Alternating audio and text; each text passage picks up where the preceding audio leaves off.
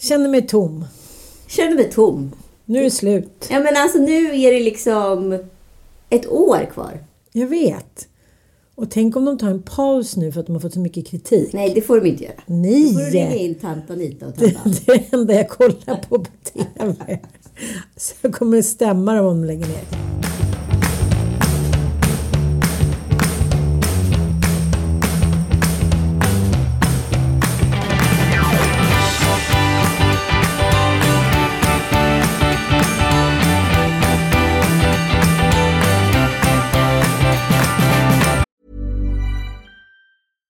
Cool fact a crocodile can't stick out its tongue. Also, you can get health insurance for a month or just under a year in some states. United Healthcare short term insurance plans, underwritten by Golden Rule Insurance Company, offer flexible, budget friendly coverage for you. Learn more at uh1.com. Quality sleep is essential. That's why the Sleep Number Smart Bed is designed for your ever evolving sleep needs. Need a bed that's firmer or softer on either side? Helps you sleep at a comfortable temperature? Sleep Number Smart Beds let you individualize your comfort so you sleep better together. JD Power ranks Sleep Number number 1 in customer satisfaction with mattresses purchased in-store. And now, save 50% on the Sleep Number limited edition Smart Bed for a limited time. For JD Power 2023 award information, visit jdpower.com/awards. Only at a Sleep Number store or sleepnumber.com.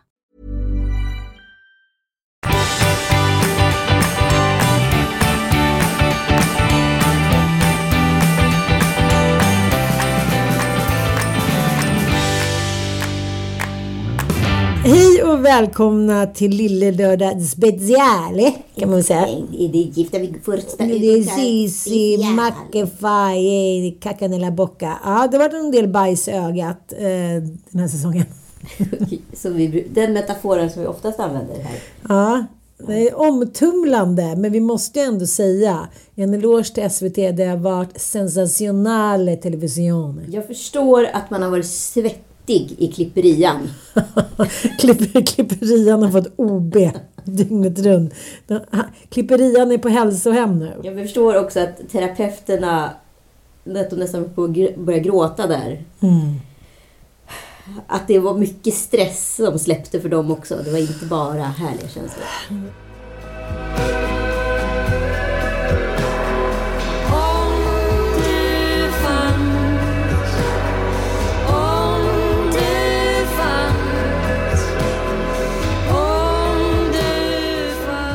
Men okej, vi måste ju summera säcken. Detta har hänt. När vi satt där på trappan och skulle dricka bubbel så, så kände jag liksom att det gjorde så ont i mig för att jag, jag kände mig så tom.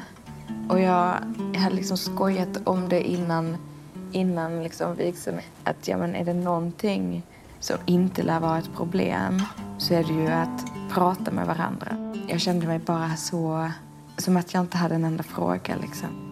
Jag tycker liksom, de andra kan jag på något sätt förstå att, lite hiten och diten med de här paren. Men att matcha ihop denna starka, kan man säga 1800-tals Bonmora med stil? Nu får vi sluta smäda. Nej! Men jag, jag säger det med respekt, men jag känner igen henne från så här... Jag tänker att hon är en liksom light-version av eh, Selma Lagerlöf och Ja. icke-lesbisk. Ja, men hon är ju liksom från en annan tid. Ja! Det är som att hon har kapslats och flugit in i framtiden och ska då matchas ihop med en woke-man. Ja, det, så här, den oroliga adelsmannen från Skär. Med oklar liksom, könsidentitet. Eller inte könsidentitet, men kanske Nej, men han är en dandy. Han är en klassisk dandy. en dandy. Ingen superstark attraktionskraft. Och det som jag det som jag tycker faktiskt är allra taskigast, det är att redan innan måste han under oändliga liksom, såna här självskattningstest eh, liksom erkänt sin rädsla för att ett, bli övergiven och två, bli bortvald. Och han fick ju liksom, alla hans rädslor besannades ju i första avsnittet. Med råke. Ja, alltså det var ju som att här, kasta in honom till vargarna. Vargarna, Ja, nej det var vargen. värre. Märta Fenrisulven. Nej men alltså så här, jag, jag kan tycka också så här, att å ena sidan och sen å andra sidan den här obefogade kritiken att vi kvinnor har varit så här, förstår man inte att det är en TV-serie hon ska vara med i? Vi har ju själv förvandlats till liksom frigida 1700-talskärringar. Ja, fast jag tycker fortfarande att det är så relevant för ett program som, vars premiss är att man ska gifta sig med någon i TV. Då får man ju säga så här, jag vill inte gifta mig med honom, jag dumpar honom här och nu. Jo, men, Det men, får bli, bli en runaway bride. fast då känner jag lite så här, då har man ju ingen självinsikt överhuvudtaget. Nej, men det har hon ju inte. Hon, hon har ju beställt en man som hon inte vill ha. En postordersman.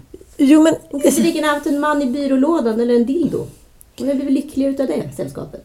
Jo, men någonstans under alla de här testen måste det ju ändå blivit tydligt för de här psykologerna att så här, wow, wow, wow, don't go there. Är man på en tjejmiddag eller är man på en drink eller är man på en arbetsplats och träffar Märta, då gillar man ju henne, men man vet så här, här backar vi, här kan vi gå fram. Det är inget jag skulle slänga in, in liksom, jag skulle aldrig slänga in en, den typen av kvinna i en tv-produktion om jag inte var ute efter just det som hänt. Nej, men saken är den att jag tror ju hela tiden att Märta och Axel var eh, reserver i och med att Bodil och Hans eh, backade. Så att de, blev, de var aldrig liksom den där toppmatchningen från början. Men de fick ju liksom sätta på TV-filtret och bli det. Eftersom det inte fanns något alternativt par. Ja, de var de två som man snabbt kunde få in. Ja. Men, men de gjorde ju också hela säsongen. Ja men gud ja! Men det var väl så för... Var, var det inte någon annan reservispar som också gjorde eh, hela säsongen? Var det eh, Backa Gräva? Nej, det var inte gräva. Nej, det, det, jag känner ändå att det är utrett liksom, den toxiska kvinnliga typen och den nya liksom, woke-mannen eh, till fördärvet. Så vi behöver liksom inte gå in Nej, men vi det måste var... tacka dem ja, för en fantastisk Det var en helt ny Bergmansk... Jag trodde aldrig det här programmet kunde bli så Nej, bra. nej. Alltså det har varit så mörkt. Ja, det är riktigt mörkt. Mörkt. Men tack vare Martin har det också varit eh, riktigt ljust. Ja, tack vare Martin. Vi återkommer till honom om en liten stund för vi har ju nämligen fått en alldeles exklusiv intervju med en av våra favoritdeltagare. Det kan vi väl inte sticka under stol med. Nej, det ska vi Aha. aldrig göra. Så, vi försöker hela tiden hitta olika charterresor där vi snabbt eh, kan stoppa in honom och åka iväg med honom. För vi får också få reda på att han har varit jobbat som Ja, fem charterguide i fem år. Såklart han har. Men eh, å andra sidan så man kände ju väldigt mycket sympati. Det kändes som att man lärde känna deltagarna det här året bättre än man kanske har gjort innan. Jag tycker realityn har varit faktiskt fantastisk. De har byggt det här. Jätteduktiga redaktörer. Stor eloge till teamet som har varit liksom bakom det här och gjort det här. Alltså det har verkligen, man, man har sett eh, karaktärer på ett helt nytt sätt. Och jag tycker också att nu efter x antal säsonger att man börjar så utkristallisera de här typerna. Kommer du ihåg Årsta-paret? Du vet de där som joggade och bodde i Årsta. Eh, och liksom har, nu bebis och alltihopa tror jag. De, de var ju väldigt påminnande om just Jonas och Louise. Det var ju liksom en copy-paste Ja, det var det. det, var det. persona. Och då tänker jag, är det människor, alltså är det de- den paren som svenska befolkningen består av till i alla fall 85 procent? Ja, alltså det där är ju vad jag skulle säga Svensson. Ja, att det är så här, det kanske inte behöver vara den största passionen i världshistorien. Det blir attraktionskraft, man vill ligga, man vill ha en bebis. Alltså så här, hur höga krav kan man ställa? Det som var liksom skillnaden om jag skulle säga så här, om man nu skulle sätta liksom eh, Årsta Runner Team eller tacoparet. För det är ju samma Ja, liksom, ja. egentligen persona som bara löper igenom säsong för säsong. Som är skillnaden på Louise och Jonas, det är att Jonas är en grubblare, han har rätt dålig självkänsla. Han vill, han är väldigt resultatinriktad i alla sina samtalsämnen, situationer, han analyserar allting, kanske en gång för mycket. Han träffar gånga, många gånger fel i analysen, han är säkert jättebra på det här i sitt jobb då saker och ting är mycket mer konkret. Men på det privata planet, när han analyserar sig själv, så ser han sig själv från ett inifrån perspektiv istället för ett utifrån perspektiv, vilket han hela tiden slår runt sin axel. Louise, som söker kärleken så desperat, eh, söker hela tiden bekräftelse i lyckan. Och varje gång hon inte får bekräftelse i lyckan så blir hon osäker. Och de här blir ju väldigt liksom, känsliga för att de är ju sjukt fragila. Vad? Ehm, jag vill gärna att vi släpper Skara helt och hållet nu. Ja, fast jag vill inte heller att du gör avkall på något som du verkligen vill göra. Alltså vill du verkligen göra det, men då får du ta ansvar för det och säga att jag ringer, då ringer jag pappa och ser upp det här. Liksom. Mm. Nej, men jag fattar det. Ja, det men, känns ju som att du vill åka dit och gör vi inte det så får jag dåligt samvete nu. eh, men jag, den kan vi släppa. Den kan, jag försöker inte göra någon sån offergrej här och att det ska vara ett dåligt samvete. Utan jag ser objektivt på den här situationen och det är jag som har varit velig. Liksom. Jag vill att du ska träffa min familj, det är det viktiga. Liksom. Så att de skulle få se hur jag har haft det. Grundförutsättning för att det här paret ska hålla är att de är på båda superbra humör exakt hela tiden. En PMS senare och det är kört. Liksom. Det är liksom inget par som... eh, De tror att de tar livet med en klackspark men liksom, det är en sylvass klack som går ner i myllan direkt. Exakt. Alltså de är så... Det känns som att de båda är så super high sensitive. Ja. Att de går in i en känsla och sen är liksom livet över nästan. Det är liksom, svärtan kommer så snabbt och man tittar runt och man ser en taco och man ser liksom en, en liten balkong och man ser liksom två härliga vältränade människor och eh, jag, liksom, jag förstår inte riktigt vad hittar de svärtan? Nej, det är det som är så konstigt för de är så jävla fragila. Så de är som små, Ah. små sparvar som sitter och skakar hela tiden. Och så- Men hur har det gått för dem? Vet du det? Ja, ja det, det- det, Jonas vill inte.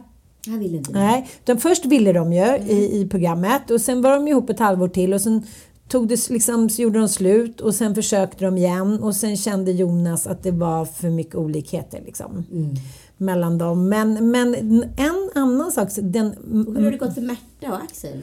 de har ju varit med liksom, i något radioprogram och sagt att det finns som no hard feelings. Men eh, båda har ju dejtat igen men ingen har liksom någon partner. Men Axel har ju sagt det att just det som han var livrädd för hände ju också. Ja. Att han blev bortvald. Liksom. Och det är ju det han säger att han, han är van vid relationer. Och sen så, jag, jag måste säga så här, you got balls man. Han går in liksom med den rädslan och går ändå in i det här programmet. Alltså det, det kräver så mycket mod så jag känner så här, det är klart att, att det påverkar otroligt mycket åt det ena eller andra hållet. Att det var med i en sån här tv-serie. Men det som hände med både Louise och Jonas, att Jonas var ju väldigt velig. För han har kanske aldrig varit i en längre relation. Det märker man ju själv om man träffar män som kanske inte haft så många relationer. Att det är så här, "Ah, ja, whatever floats your boat. De, är liksom, de hakar på, bara ingen liksom blir ledsen och hit och dit. Så det framställs ju lite med Jonas att han har liksom, gud han kan aldrig bestämma sig, han har så svårt, men du har ju liksom nio av tio män. Ja, men, men också så här, grundläggande så här, relationsoerfarenhet. Kommer ihåg när jag började dejta Joel och liksom hans idéer om relationer. Det var så här, det är liksom som någon som har suttit och skrivit ihop en egen saga. Alltså han har ingen aning. Nej. Fast han förstår inte att alla andra ser det. Ja. Liksom. Och hans idé om relationer var så otroligt högtravande och, och liksom jättemärkliga teorier om saker och ting. Och jag satt ju och fnissade för mig själv på kammaren och tänkte såhär, ja ja gubben, vi får väl se. Ja, men om du då hade varit någon med lika lite relationserfarenhet, då hade ju ni varit liksom klapp och klang. Ja, som så här, slog varandra med batong i huvudet och bara så här, gjorde det där ont? och sen hade det inte lett till någonstans. Nej, nej, nej, nej. Alltså det, jag tror grunden att vi ens höll ihop var på grund av att jag har relationserfarenhet och att så här, man är van med olika situationer och står ut med olika scenarion. Men, eh, men har man inte det så är det inte så konstigt att det går åt helvete. Sen är det också någonting som nästan sker varje säsong, Gift vid första ögonkastet. Det är att en kvinna blir väldigt hatad. Mm. Eh, Förra gången var det Susanna. Precis, men jag, jag kan faktiskt inte jämföra Susanna och Märta för Susanna, alltså backa grävan. Det, det var inget fel på honom. Hon försökte inte ens. Nej men hon, jag säga, Susannas problem var ju att hon var ju så otroligt färgad utav den här, vad ska jag kalla det för, nyfeminismen som är jävligt opportunistisk, väldigt vit cis-kvinna-perspektiv. Eh, alltså väldigt mycket så här, gå in i varenda sakfråga och analysera liksom. Men, Eh, men jag tänker om man skulle bli sårad för, alla, liksom, för de grejerna Grävan sa, då skulle man ju vara tvungen att sitta hemma typ med dropp. Och Valium dygnet runt. Alltså, Ja, det- är så, svårt så... att blanda sig med övriga samhället. Hon bodde ju också ute i skogen i ett torp. Precis som Bodil. Det är sant. Torpkvinnan klarar inte av liksom... Ja, och klarar inte av liksom samhällets krav. Och då tänker jag lite med så Anna Björklunds nya bok som jag pratade om, den här kvinnomanualen. Där erkänner hon öppet att hon klarade liksom inte av de kraven. Att vara snu, snygg, eh, ha sexuellt kapital, vara smart. Vara liksom, vad ska man säga, som... Eh, En Sex and the City-kvinna. Ja, precis. Hon klarade inte det. Hon gifte sig med fulingen, den smarta fulingen som hon kallar honom. Fick snabbt tre barn och tyckte helt plötsligt att hon fick ett värde och kunde börja leverera. Jag kan känna igen mig där. Inte för att jag skulle vilja bo i ett torp ute i skogen, Det är ju men nästan. därför tycker jag egentligen att Bodil och Hans är, tycker jag, den mest intressanta relationen och hon, Bodil är den som varit mest sårbar och verkligen försökt. Fast här har vi ett jättedilemma. För Hans är inte smart. Det är hon. Han vill då göra henne på bra humör i sista avsnittet genom att kolla på Madagaskar. Han är så jävla glad jämt. I like to move it, move it. I like to move it, move it. I like to move it. roligt. Ja, men det är roligt att kolla på med barnen. Men han, han är ju ett förvuxet barn. Han ser och ju det också blev, ut som en av karaktärerna i Madagaskar.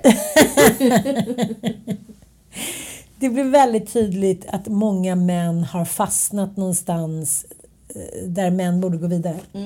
Verkligen. Eh, d- vet du vad jag tror det handlar om?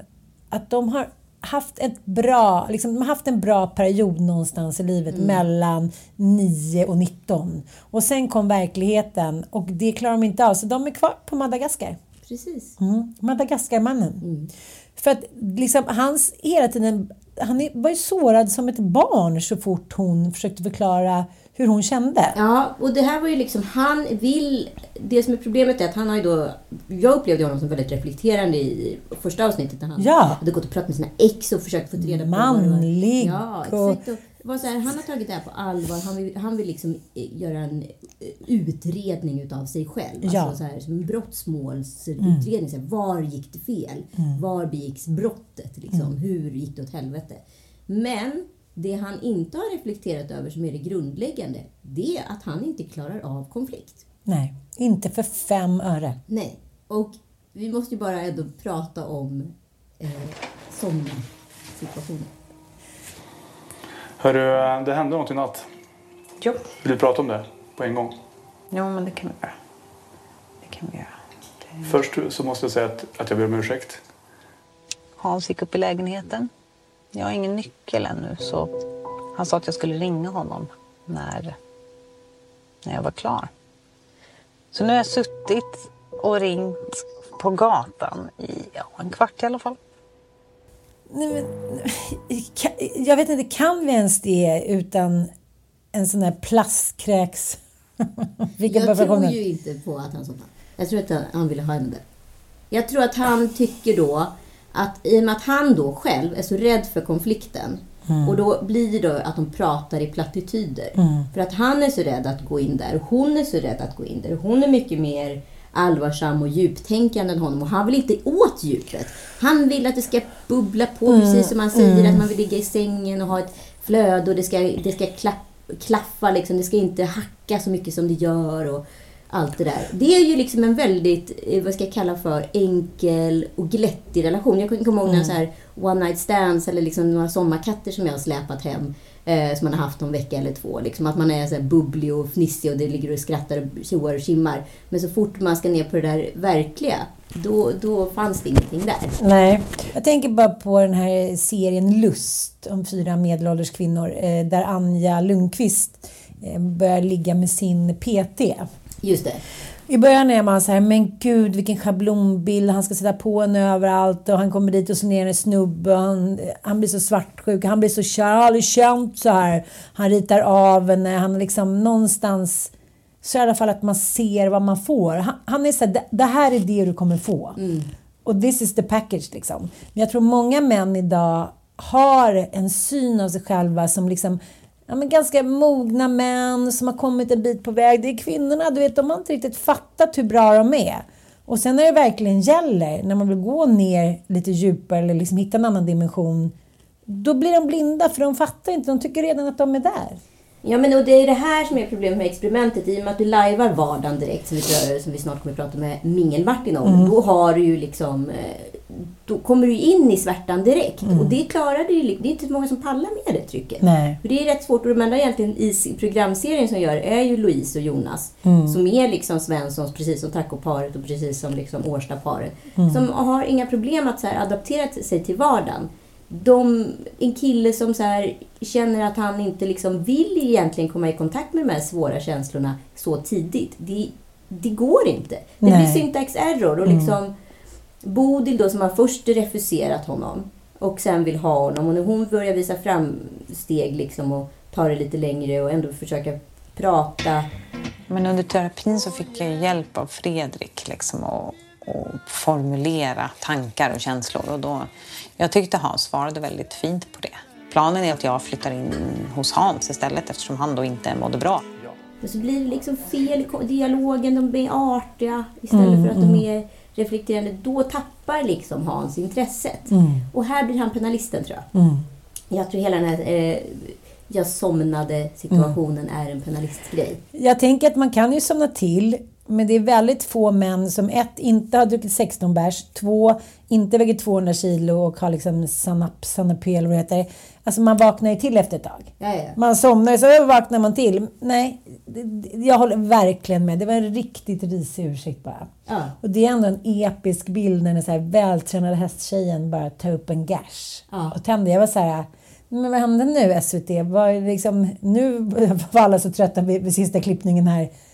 Jag tycker att det där är så episkt att säga, när inget annat hjälper, då tar jag en cigg. Ja, men det där var ju också en otrolig rebellisk protest. Mm. Du kan ju bara tänka dig hur mycket eh, Hans hatar att hon tar en festcigg ibland. Mm. Att det är liksom i hans PT-värld där han går och tränar varje dag och han har också gillat henne på grund av premissen att hon också är en träningstjej. Mm. Eh, att hon tar en cigg, det är ju liksom en rebellhandling. Ja. Jag eh, umgås med en del par där den ena parten typ gör slut om den andra säger att den ska ta en partycigg. Ja, nej, men jag vet också. Nej, det, det är en sån rabiat känsla. Så jag känner samma sak där. Vänta nu. eh, Är det här i paritet till att en människa vill ta en partygash? Det är liksom, det är som du säger, det är så här, en sista rebellisk handling på något sätt. Men jag, jag kände väldigt mycket för Bodil, liksom sista avsnittet. Jag kände så här, okej hon försöker, hon flyttar hem till honom. Och det här är, tycker jag, en ganska så här, klassisk känsla för det samhället vi lever i. Att när man väl visar sin sårbarhet och försöker och anpassa sig som kvinnor har gjort i alla tider, men kanske på ett nytt sätt, så blir man ghostad. Men det Den är som- tung, alltså. Ja, fast det här är det som är intressant. För att eh, Hans hela tiden sagt att det är problem att du bor där. Om du bara hade bott närmare. Precis. Alltså han har lagt upp liksom massa liksom, rökridåer. Det är alltid för, kvinnornas fel ändå. För att eh, så, här, så här ska det till. Så då, hon bara säger plötsligt möter honom. Han vill egentligen inte det. Mm. Nej. Han vill absolut inte att hon ska flytta in. Han vill inte det. Bara schampoflaskorna på golvet. trodde jag liksom att då kan man ställa det på golvet.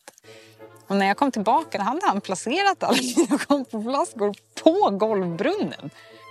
Så att det var som ett litet monument på golvbrunnen. Och jag stod där och tittade bara. Och sen så kom han och sa att du kan inte ställa, det går inte, du kan inte ställa dina schampoflaskor på golvet i duschen. För att då blir det fuktskador i duschen. På golvet. Och jag var så ställd så att jag sa bara okej. Ja. Att, att han liksom inte vill att hon ska vara där. Allt det han säger är ju att hon så kommer in i hans revir och ställer till det. Jag, jag börjar undra mycket över den moderna mannen. Eh, då kanske vi inte ska ta liksom min klass där det liksom finns typ bubblor och champagne och hus för 50 mil och sådär. Där det fortfarande är en klassfråga att kvinnor och män ska vara som de alltid har varit. Men vi tar liksom, vi tar en Svenssonmannen då, with a little twist. Det fasen om de vill ha familj och fru egentligen. Jag tror de vill ligga lite och få lite kärlek och få lite bekräftelse. Och sen liksom vill de kolla på sin golf eller liksom pula på där hemma. Jag tror att de är ganska nöjda med det. Gud ja. Jag, skulle säga, jag tror att de flesta män inte vill reflektera känslor. Och här blir ju en konflikt i att de tvingas in i att reflektera känslor hela tiden. Och det är inte så många som är bekväma med det.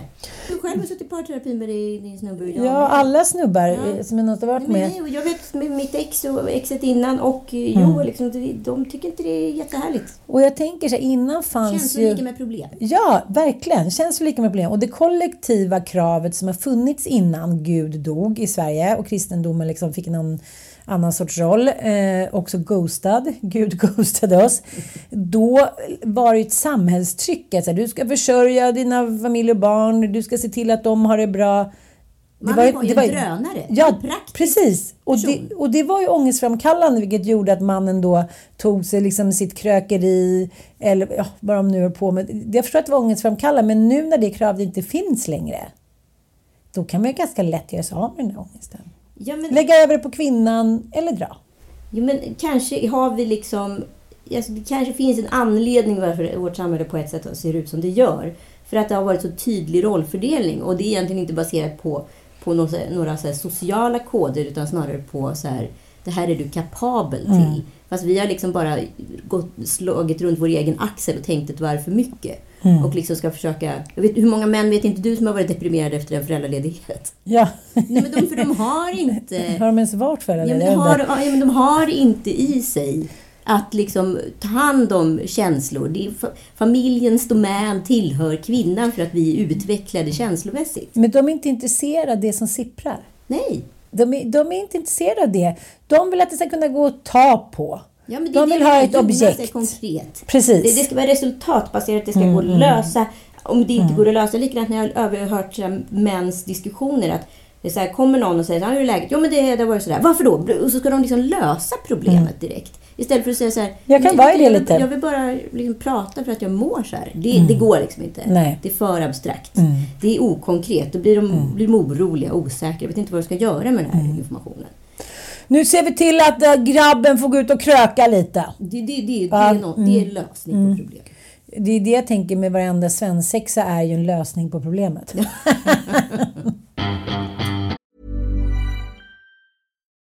Life is full of what ifs. Some awesome, like what if AI could fold your laundry?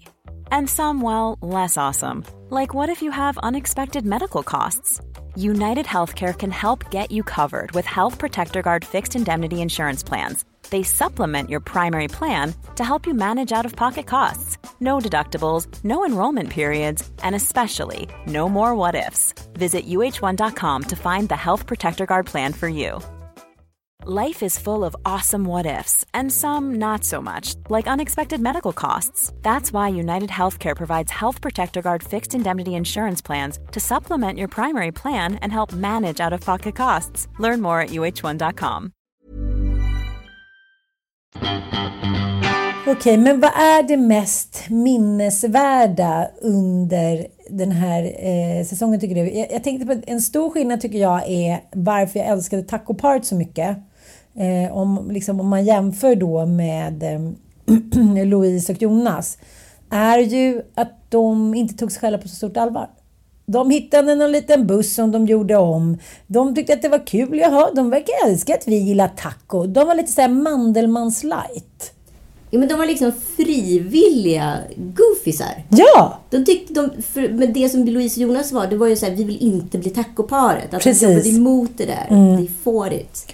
Och då finns det till slut liksom inget skratt på, på något sätt kvar. Och då känner jag så här, det är en sak också som, som jag tycker har försvunnit i det moderna parbildandet. Det är hemligheten. Den ska inte finnas längre. Utan man ska väldigt snabbt säga var man, som man har varit med horor eller om man liksom har, har hållit på att dö i någon hjärn, liksom, eh, s- cysta. Ja, det är som att man måste få det man kunde bekänna för Gud innan på kammaren efter liksom eh, tre shottar. Det måste direkt till partnern det är kanske inte partnerns roll att ta det direkt. Det är som att hela liksom det där lite edgy, sexiga som, som det ligger i när man har lite hemligheter för varandra och man inte riktigt känner varandra. Det försvinner ju helt eftersom de direkt ska in i vardagen. Ja, men precis. Sen får jag bara en känsla för att har varit liksom lite onödigt ärliga med varandra. Jag kommer ihåg att jag hade en kille som jag så berättade, för jag tänkte så här, så här, hur funkar ärlighet? Vilket man funderar på när man är 20 någonting. Jo, men det kanske är att jag berättar vilka jag legat med. De där 200 på den där lappen som jag skrev på fyllan för tre veckor sedan med Ann. Ja, vill du se den? Ja. Det var ingen bra idé. Kan jag, rekommendera? jag kan inte rekommendera någon. Nej, men det är någonting. Jag, mitt ex, ex, ex, ex, vi skulle också ligga och så här, var lite fulla, låg på en madrass på golvet, skulle vara lite romantiskt. Så skulle vi berätta om våra bästa sexupplevelser. vi var så fria och ärliga med varandra. Hatisk i månader efteråt.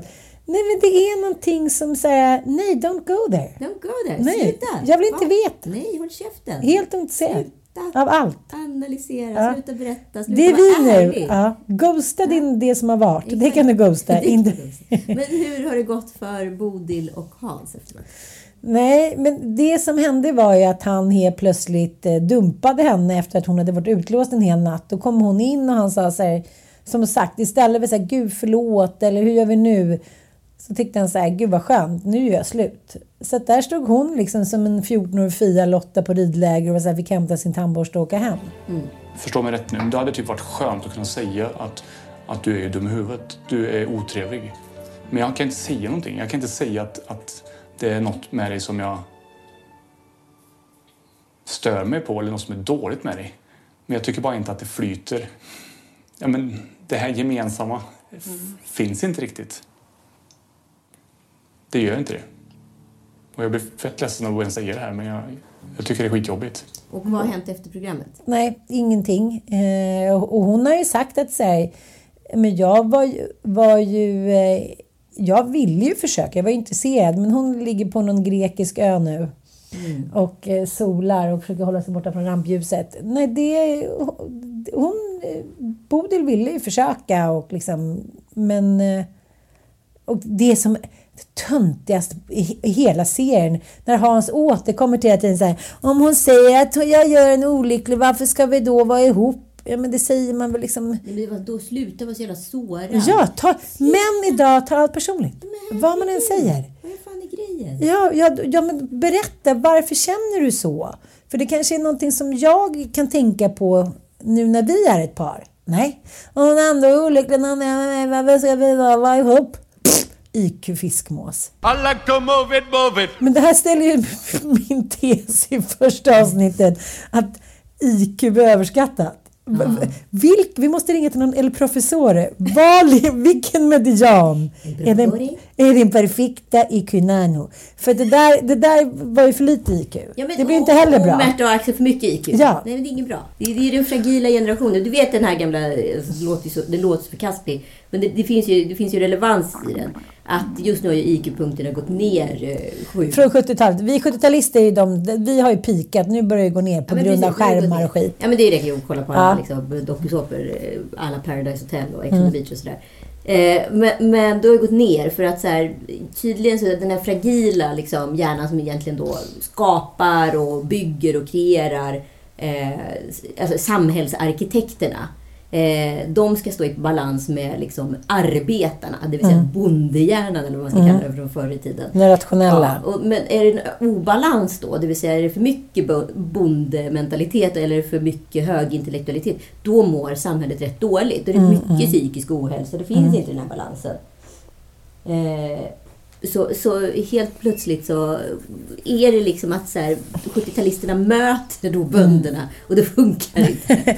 Men jag läste en intressant artikel om det här om dagen att det just var 70-talisterna, att det var då vi pikade.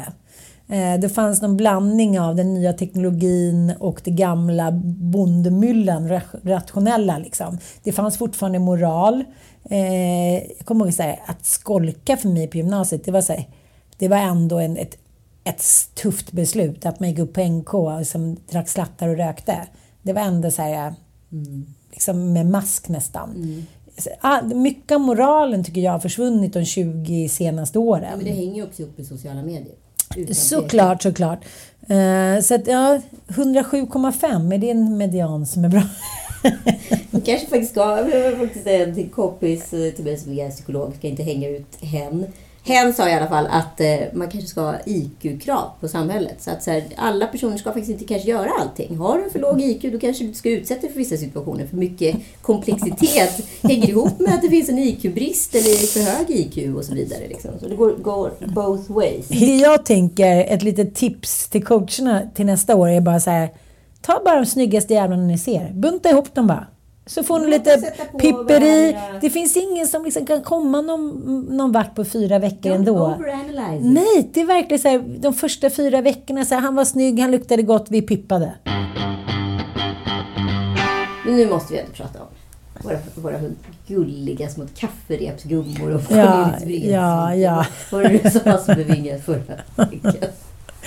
Jag ser ju framför mig Prussiluskan Mm. I en liten blommig kopp som är alldeles för liten. Med ett sånt där litet handtag, du vet, som man inte får in pekfingret i. Mm. Och mycket ordning och reda med floret på hatten och, och klänningen som ska ligga rätt. Och, Inga pressväxlar Nej. som hamnar fel där. nej, och tar mycket personligt också samtidigt som man tänker mycket på andra. Precis. Jag måste ändå säga att det var en väldigt bra liknelse. För även Prussiluskan kunde ju på något sätt, när hon fick, eh, det här är Pippi Långstrump då, den elaka dubbade tanten från eh, socialen. Så roligt. Tänk dig idag så här, okej, vi fick några millar från, från tyska FSFI. Så nu måste alla liksom, nu måste vi dubba ah, typ hälften av rollerna från Tyskland. Det är jätteroligt. Det, är jätte- det förstör också mycket av intrycket nu när man blivit äldre. Eh, men hon, Prussiluskan då, barnhemstanten från socialen som ville vara god och placera alla barn eh, hos fosterföräldrar, även Pippi. Hon levde ju upp när hon fick en liten kram från ett barn och hon var inte liksom helt omöjlig. Och så ser jag ju också på Jonas att liksom långt där under de här liksom ihopvikta eh, gammeldags 40-talskalsongerna så finns det någon som blir förlöst. Gud ja! Men det kanske inte var Mingel Martin som kunde göra det. Nej, men någonting hände ju. Han väckte ju i alla fall någonting. Mm, det måste vi ändå säga. Eh, och jag kan ändå så här fascineras av den här resan som det här paret har gjort på olika sätt. Eh, Mingen Martin är ju väldigt mycket som Mingen Martin är. Mm. Han är ju en glad skit. Och en glad skit, det får man nästan inte vara i ett noir-program. Nej, nej. Som Gift i första ögonkastet den här säsongen har varit. Men det var ju inte så mycket smär- svärta och Jag, smärta. får, Det var jag ju mer... jag älskar den referensen, men the only gay in the village. Ja, jag, jag satt och tänkte, så tänkte jag att jag orkar inte dra hela den där referensen. Det här är alltså Little Britain. Alla har hört den 2000 gånger. Jo, jag vet, men, det, jo, men det, det är ändå intressant just det här, för så är ju Jonas. Att han vill ju vara speciell och unik. Och så träffade han någon som inte liksom, tyckte att det var så speciellt unikt att vara bög. Utan det var ju hans 63 andra polare också som han nu skulle liksom gå ut på krogen med. Precis. Och det här blev ju eh, ett stigma. Ja, alltså jag, har aldrig varit, jag har aldrig varit med om en sån straight gay person. Nej, mycket sällan skådat i alla fall. Jag har några såna gay kompisar som bara egentligen hänger med andra straighta. Fast de har ju ändå gått utanför den straighta normen. De är väl ändå på så här schlagerfest. Ligger på. Mykonos. Alltså han, alltså han hade ju inte varit utanför, kändes det som, sitt liksom Svensson-kontext. Nej, nej, absolut inte. Alltså, han var ju unik i sitt gäng för att han var gay. Ja. Det var så han stack ut. Han var liksom kingen av Örebro. Mm, Och ambitionen att vara med i programmet var säkert att fortsätta behålla platsen som kingen i Örebro. Fast nu med en liten crowd. Ja, men- jag tycker ändå, jag, som vi pratade om innan, att Jonas nu, han har ju träffat någon eh, efter Gift i första ögonkastet. Han har aldrig varit kär, han lever sönder bananliv, han jobbar som eh, på, marknadschef på, på ICA Ja. eh, i en liten småstad. Han använder ju det där, han var egentligen den smartaste av dem alla. Ja, han använde sitt liksom småstadskapital Ja. för att bli liksom kungen av småstan. Ja. Det, det är genialiskt. Och det, hade man ju, det såg man ju inte i början av säsongen. Verkligen inte. Mm. Men när kommer då spin-offen, tänker jag, med alla kompisar? Kan vi prata om Jonas kompis i Sverige-tröja och vikingahjälm hela tiden?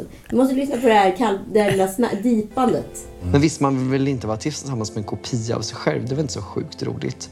Nej. Fasen ska man tänka? Det är sjukt svårt. Ja. Jo.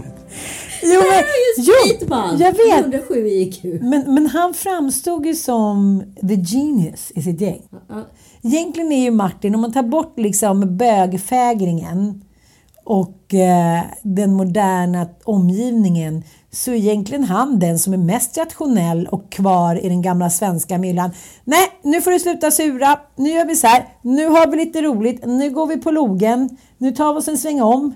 Nu hönglar vi lite. Nu tar vi oss en liten kröken. Alltså han är egentligen den som för handlingen framåt utan att så här, fastna i odjupa, djupa samtal. För det är inte det som är samtidens största problem.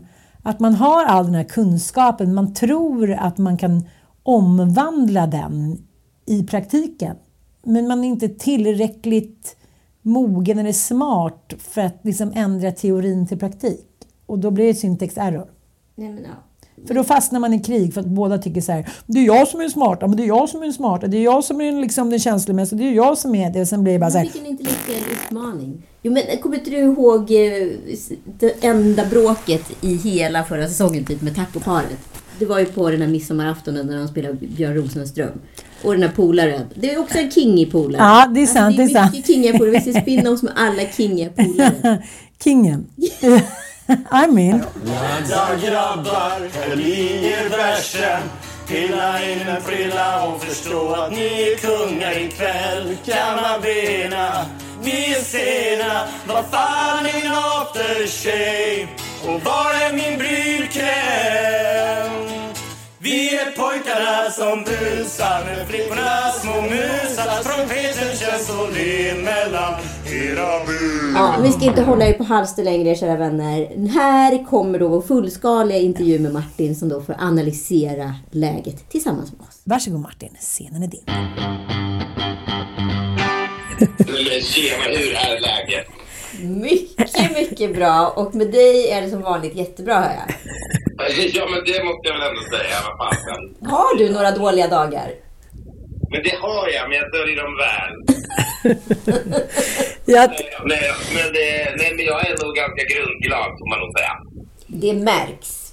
Det är ingen som har missat just den detaljen i programmet. Vi kör liksom kall intervju rakt in. Så här saxas det ingenting. Nu kör vi. Ja, men du, KBK.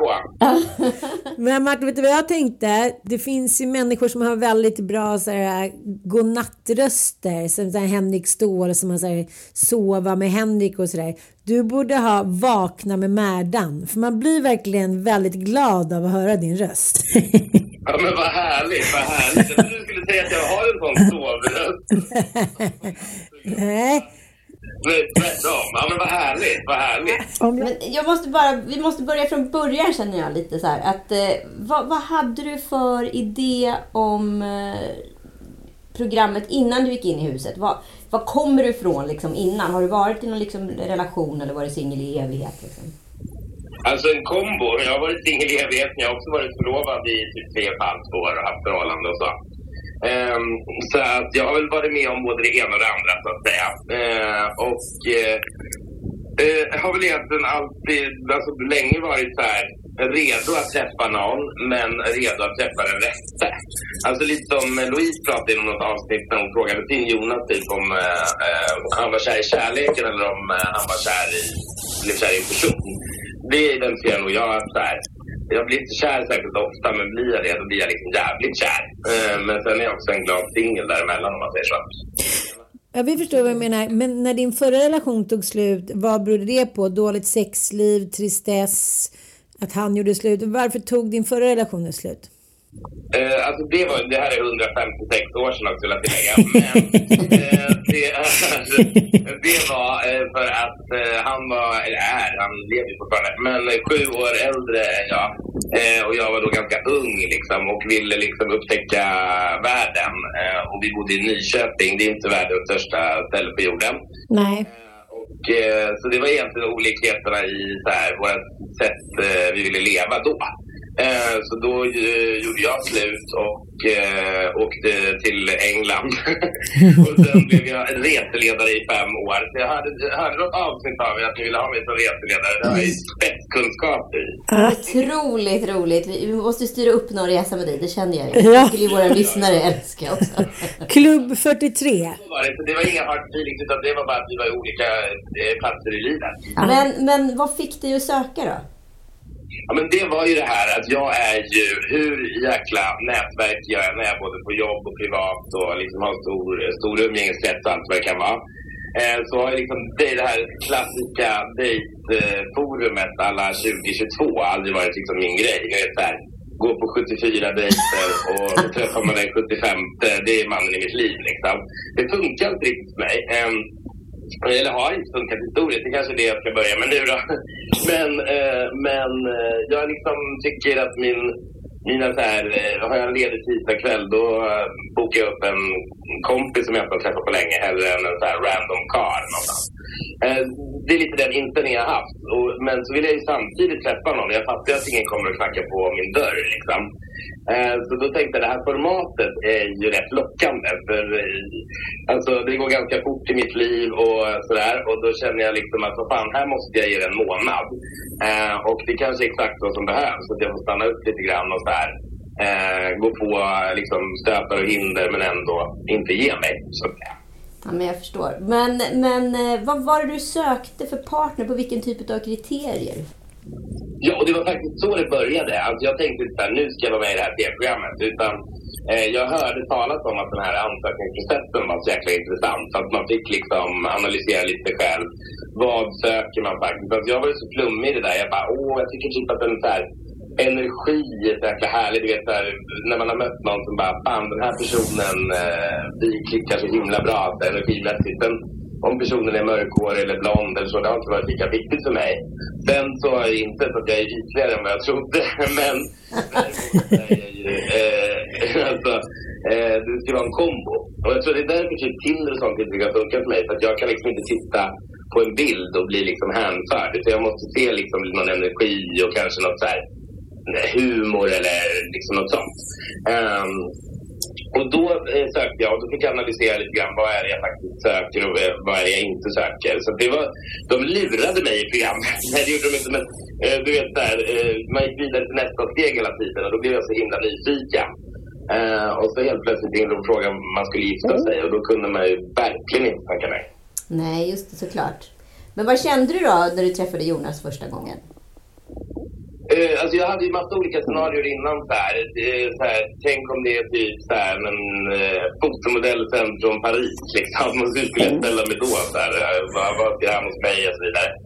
Till att så här, eh, gud det här, här får jag jobba på eh, energierna.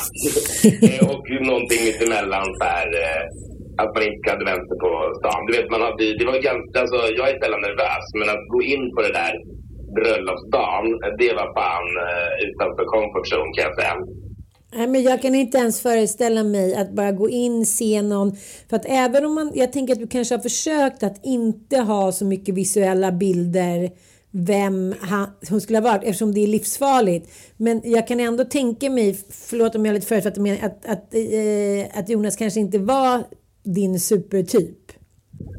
Nej men precis, och det är, det är inget att himla om egentligen. Eh, För att eh, jag hade ju som sagt gjort de här olika scenarierna innan. Så här, bara för att så här, det kan ju komma vad som helst. Man har ju ingen. Sen hade vi så här, eh, så hade experterna gjort en grej som jag har tagit med mig mycket efter det också. Men som funkade skitbra där på bröllopet. Eh, var ju att vi liksom skulle snälltolka liksom alla situationer. Eh, och det kan ju låta flummigt men att man liksom inte så här, nej, men man dömer inte direkt hela tiden utan att man liksom faktiskt snälltolkar. Eh, och sen var inte alls Jonas, liksom, om man tänker på utseendemässigt, eh, den typen av killar som jag har träffat tidigare. Nej. Eh, men så kände jag också så här, vad fan, jag är ju också singel av en anledning så det är väl nu jag ska liksom utmana. Men jag tänker så här, om man är 15 så kanske man kan utmana, men man har ju ändå sin typ. Och jag måste ändå säga att eran match var ju ändå lite, liksom, det var lite för mycket kafferep och Ibiza uts uts. Uh, det ska mötas. Alltså, jag är i och för sig mer kontraster än vad som har visats i TV.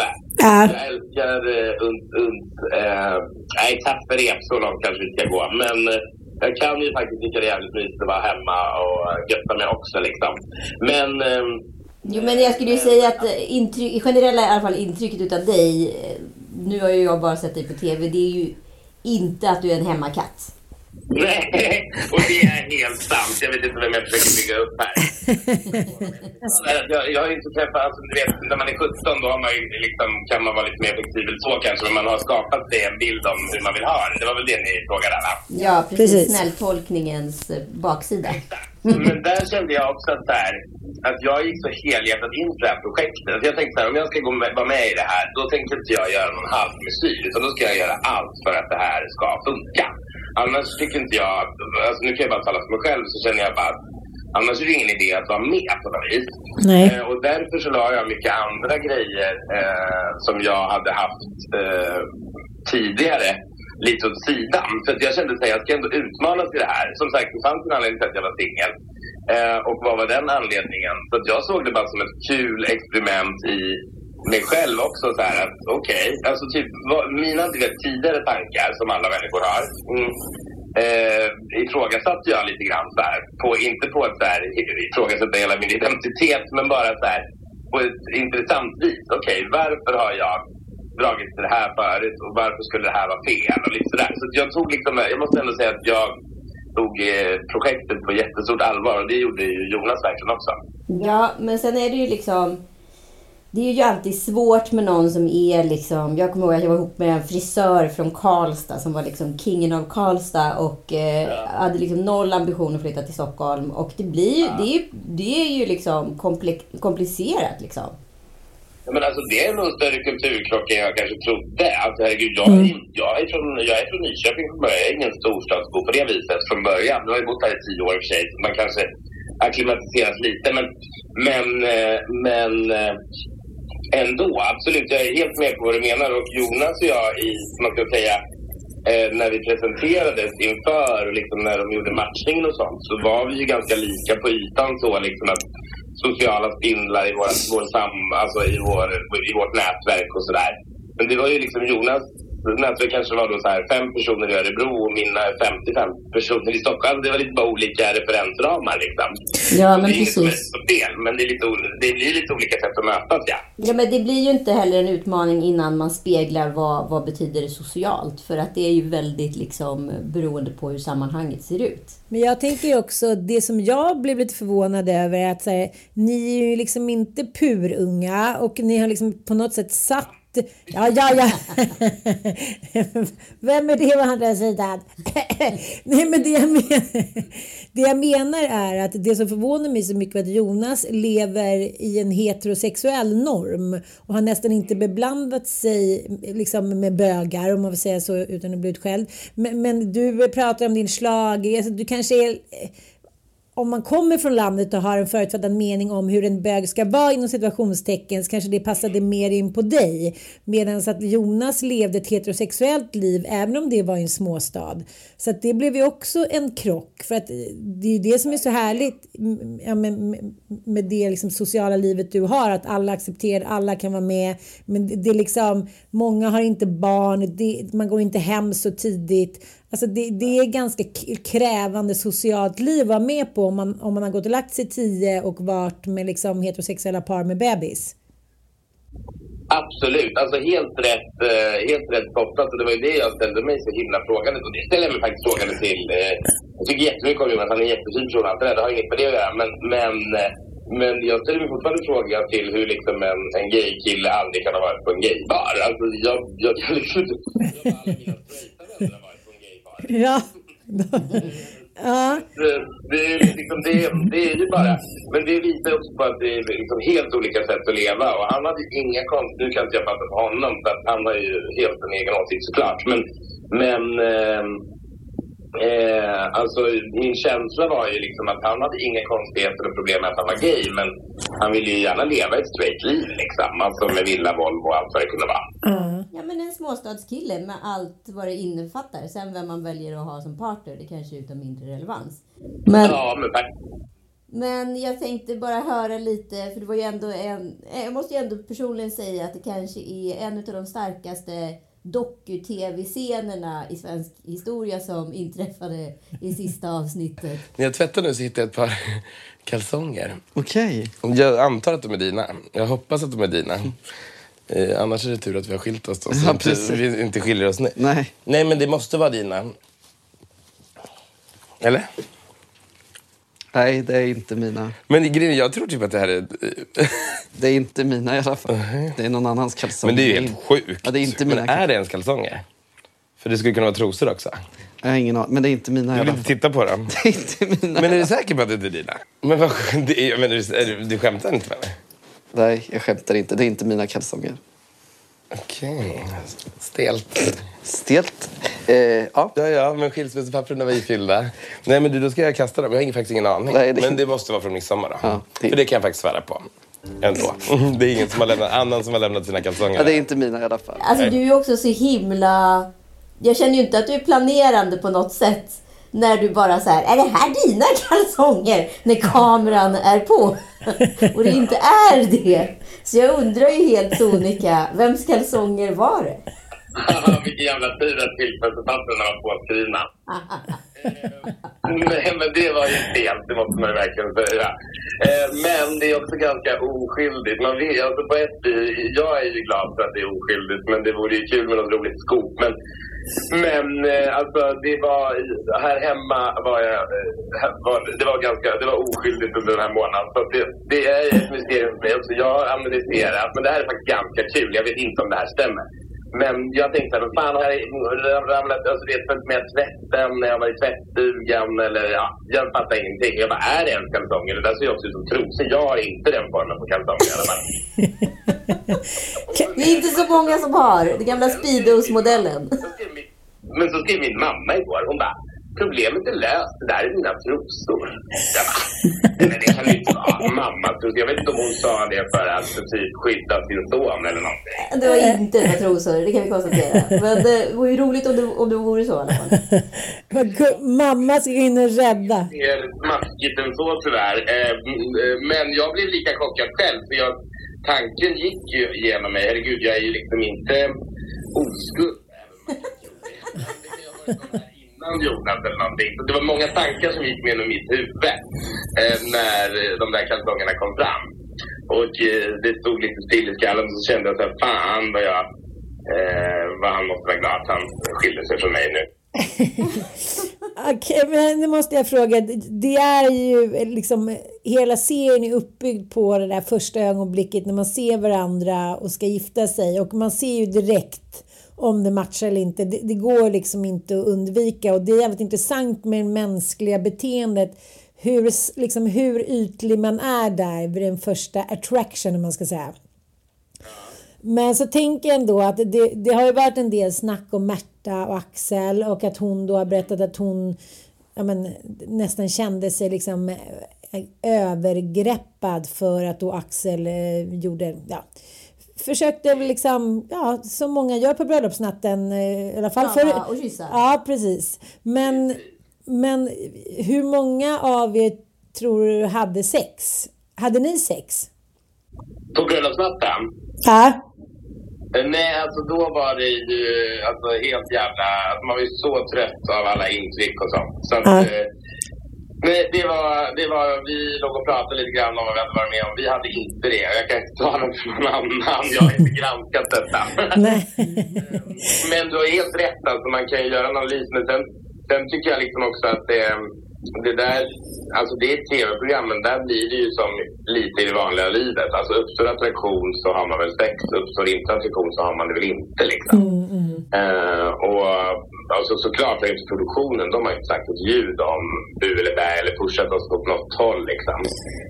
Nej, men- Jag kände ju månaden att jag gärna, alltså man vill gå in på det här liksom helhjärtat och då är ju en grej så här, okej jag har inte känt superattraktion, jag har inte känt här, det här klicket som man kanske vill åt.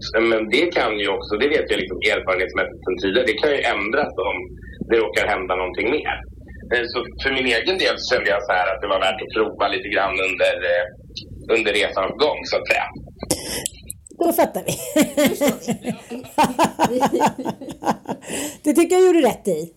Men, men hade du liksom koll på de andra paren? Kände du till liksom Axel och Märta och deras situation? Eller är det någonting som du själv har fått uppleva på TV som hos andra? Eh, Ja, men det är någonting jag har fått uppleva på TV. Alltså, för eh, det, det, de var inte med på parhelgen. Och parhelgen var ju den första gången som vi eh, träffade de andra paren. Vi visste ju inte alls vilka det var innan. Nej. Eh, det var ju, och det var de väldigt måna om, att det inte skulle vara något fejk eller något, utan att det skulle bli ett genuint första möte. Och då var ju Märta och Axel redan long gone så att säga. Så att de träffade ju inte jag under produktionen. Eh, sen hade vi en sån eh, ja, information och lite medieträning och sånt där på, på SVT här innan programmet började sändas. Så då träffade jag dem. Okej, men, men eh, blev du chockad över eh, Bodil och Hans? Att det gick som det gick? Eller? För det kändes ju... För jag fick ju se, liksom, jag har fått se lite glimtar av eh, programmet innan det sändes. Men då är det våra egna grejer. Så jag har inte sett något av de andra paren. Och jag har inte heller velat grötta så mycket. För jag vill också överraskas lite.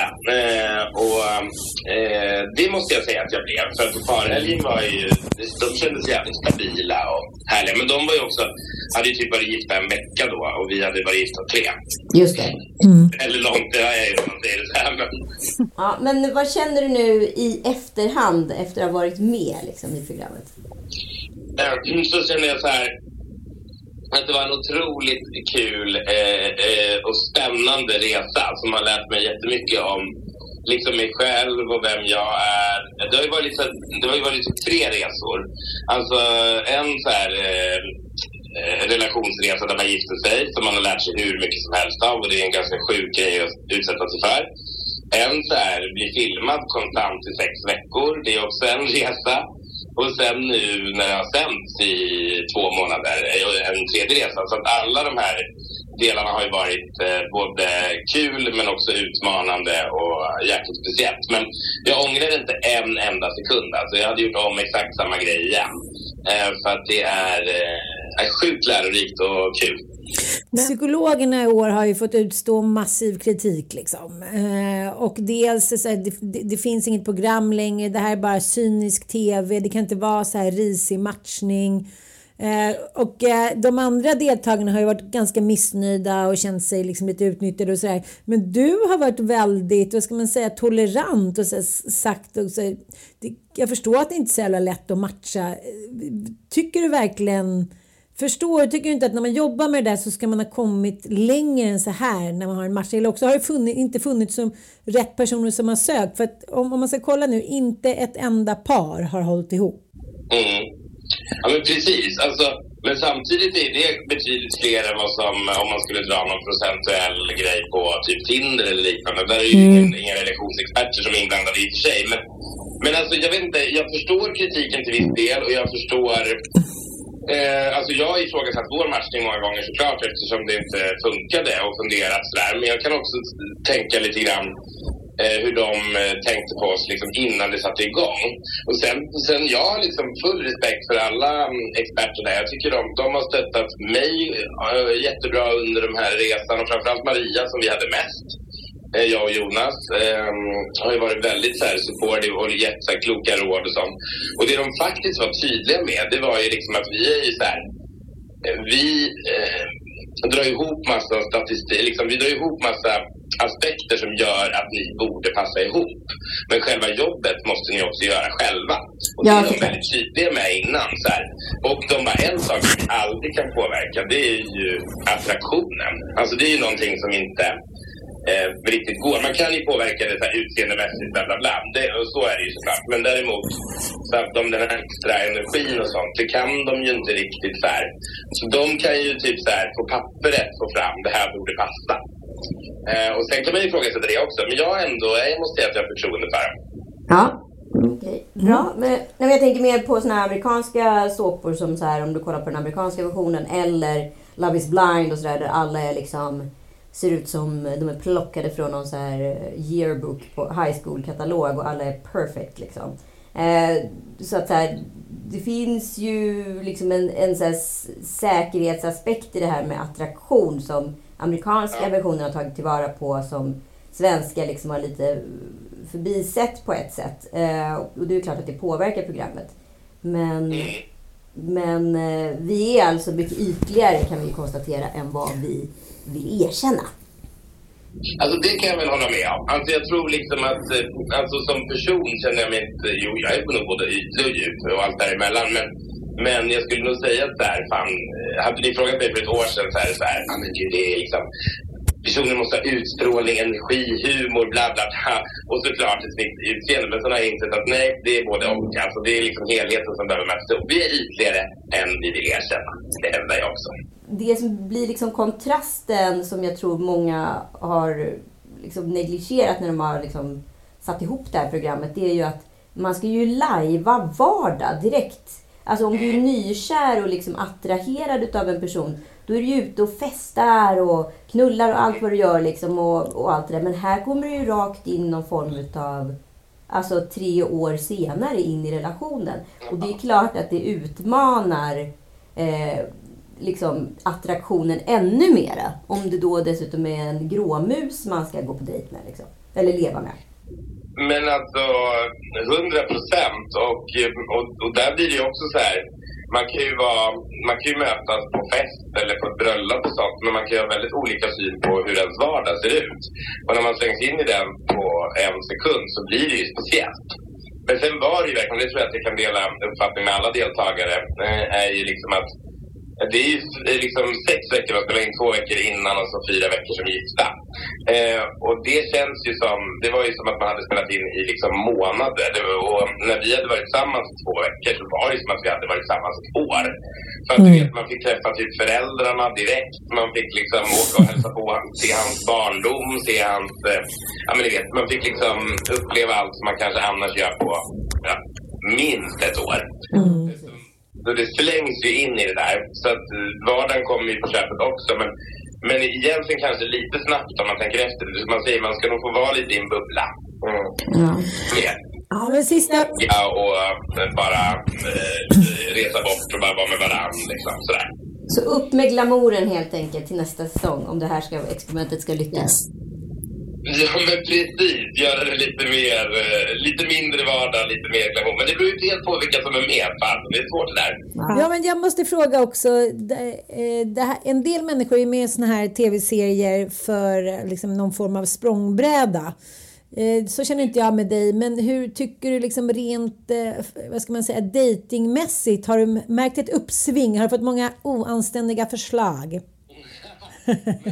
Har faktiskt det. Eh, mm, alltså, eh, så oanständiga vet jag inte. Men det har, nu är det ju precis igår som det som det outades att det inte funkar. Så man har fått mycket så här, om det inte skulle funka så har jag en kompis som det skulle passa perfekt med. Eller om det inte skulle funka mellan er så eh, skulle jag jättegärna vilja bjuda dig på en öl. Typ. Alltså det har varit lite sådana där grejer. Det har inte varit liksom, eh, jag vill ligga med dig nu. Typ. Nej. Utan det är liksom här, rela- jag tror att det är liksom programmet också. Eh, men sen har jag fått lite oanständiga förslag när man har varit ute och sådär också. Jo, men det skapar väl lite uppmärksamhet. Men vadå, du har inte fått en enda dickpic? Jag är besviken. Jag har faktiskt det också. Jag vet inte varför jag skulle vara så anständig. Nej. Det med. Jag tänkte, försök inte med mig. Men eh, är det någonting som jag inte står bakom, men det är ju någon form av Eh, jag har haft så här bröllops, eller vi- vigselringen på mig nu under, när programmet har sänts. För att, så här, eh, för att folk ska få, få fundera lite. Och det är ju typ en attraktion hos folk. Alltså folk blir ju superintresserade av det där. Och sen också säkert utmana mig för att, eh, eh, för att se eh, hur det har gått liksom. Det har väl varit en attraktionsmagnet som inte är kanske där man hittar den livslånga kärleken, men ni fattar. Ja. En sista fråga då. Vad tycker du var det mest liksom, jobbiga ögonblicket under inspelningen? Vad tycker du var det härligaste ögonblicket? Någonting som inte vi tittare vet om? Mm. Men alltså de filmar ju tusen timmar eh, och som blev åtta liksom. Eh, Men jag skulle säga att alla, alla fantastiska saker vi fick vara med om var ju, eh, var ju typ det härligaste. Och nu var det ju väldigt mycket fokus på eh, mitt eh, skaldjurs... vad heter det?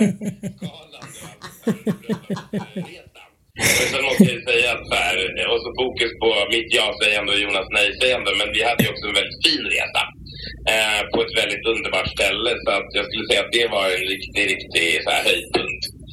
Eh, och sen eh, så eh, vår midsommar var också helt fantastisk. Alltså, vi merchade liksom våra vänner och sådär.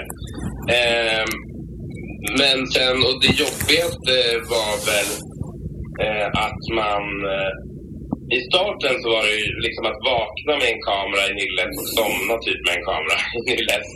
Eh, men det vande man sig vid ganska fort. Men nu, nu ska jag faktiskt berätta det jobbigaste.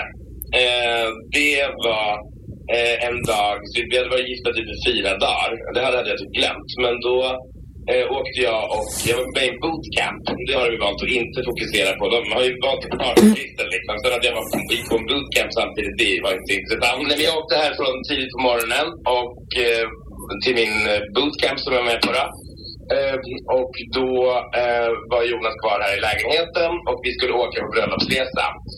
Eh, och då eh, så var jag där och sen så kände jag bara, alltså gud jag vill inte åka hem liksom. Då hade jag insett så här, att min hem är ändå min borg i min liksom fartfyllda storstadsvärld eller vad man ska säga. Eh, där jag träffar mycket människor och så. Så bara, min lilla borg då, det var liksom också så här, du vet, belamrad med kar. Det var inte bara Jonas, men det var med en man jag inte kände, det var med filmteam. Så då ringde jag Maria och pratade om det, eh, relationsexperten, och bara, gud jag känner mig typ kvävd liksom. Eh, och, eh, och sen åkte jag hem till en kompis och grät. Jag gråter nästan aldrig, men det gjorde jag. Eh, och sen eh, så var det faktiskt bra. Och sen hade jag inte den känslan eh, lika mycket efter det. Men det blev nog lite överväldigande att säga, fan, eh, jag har ingenstans där jag bara eh, får andas just nu. Liksom. Nej, jag fattar. Det var intensivt. Har ni någon kontakt idag? Jonas och jag har eh, egentligen ingen kontakt. Vi har messat lite kring programmet och så här. Vi bryr oss ju om varandra. Eh, liksom. jag, jag tycker om Jonas liksom. Så alltså, det är inte så. så att, vi har ju kollat läget, hur vi mår och alltså, hur det har känts efter vissa avsnitt och lite sådär. Hela läget liksom. Men vi har ingen relation som att så här, åh vi måste ses nästa helg eller vad gör du till midsommar? Inget sånt. Så att, vi är liksom inte vänner, men vi har ju en omsorg om varandra kring programmet och har kollat det liksom, och hört kring det. Men Jonas är ju ändå den som har gått vinnande ur den här tv-serien tycker jag. Han är liksom nykär sen typ ett halvår tillbaka. Sambo, har aldrig varit lyckligare. Så att eh, du kanske öppnade upp någonting i honom som han inte vill ha. ja, eh, precis. Alltså, sen får man ju se det ja, vinnande och vinnande. Hade jag gått ut med hade jag liksom eh, träffat någon för så här kärlekens skull bara, du vet så här, att någon att fylla mina söndagar, vet jag inte om jag hade varit lyckligare. Eh, så att det beror ju på hur man ser vad, vad som är, det är alltid lite finare att vara i parrelation än att vara singel. Jag känner mig ganska glad ändå. Men eh, det är klart att om man utgår ifrån liksom experimentet och träffar sin livs kärlek så har ju han lyckats. Det är honom så jäkla väl unt tycker jag. För att jag var, vi hade lite olika eh, aspekter på programmet också. Jag var ju så här jag är inte, jag tänker liksom, eh, liksom jag måste lära känna en person och bli kär i den för att det här ska funka. Och jag var inte säker på att det skulle ske under en månads tid, men jag var verkligen beredd på att ge det en chans. Men Jonas ville ju verkligen träffa mannen i sitt liv. Mm. Och att han sen då gjorde det, om det nu är så, vilket uh, skulle vara underbart, då är det helt fantastiskt. Och jag, man vet inte, det här är ju bara min teori, han kanske inte hade gjort det uh, om han inte hade varit med i programmet. Han kanske öppnade massa dörrar för honom, vem fasen vet. Det tror jag, ja, lätt. Men jag tänker att det kanske är ett väldigt bra marknadsfönster för en själv om man nu inte träffar någon i programmet. Ja men verkligen, det får man ju säga. Folk vet att man... Alltså det som är ju i alla fall, de, de vet ju vad man, de vet ju vad man får. Otroligt roligt. Tack snälla Martin för att vi fick en pratstund med dig och rätt ut en massa spännande frågetecken som jag vet att både vi och våra lyssnare eh, har funderat på. Hoppas jag att vi ses på en charter inom kort. Puss och kram. Hej då! Snälla för att ni har lyssnat på Lille Lördag den här veckan. Eh, vi är så glada att så många lyssnar och eh, nu är vi ju lika deppiga som er att Gift vid första ögonkastet är eh, slut. Håll öron och ögon öppna. Det kan ju bli en liten charter med Martin och Lillelördag-lyssnarna.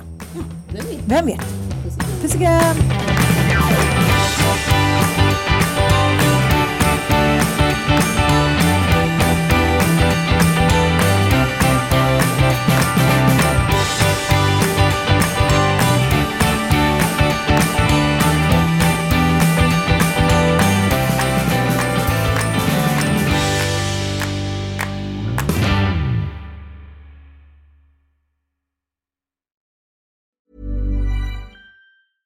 Hey, it's Paige DeSorbo from Giggly Squad. High quality fashion without the price tag. Say hello to Quince. I'm snagging high-end essentials like cozy cashmere sweaters, sleek leather jackets, fine jewelry, and so much more. With Quince being 50 to 80% less than similar brands.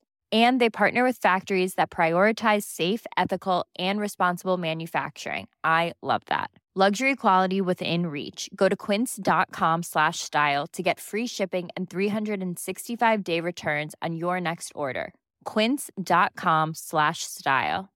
Imagine the softest sheets you've ever felt. Now imagine them getting even softer over time. That's what you'll feel with Bowl and Branch's organic cotton sheets. In a recent customer survey, 96% replied that Bowl and Branch sheets get softer with every wash. Start getting your best night's sleep in these sheets that get softer and softer for years to come. Try their sheets with a 30-night guarantee. Plus, get 15% off your first order at bowlandbranch.com. Code BUTTERY. Exclusions apply. See site for details.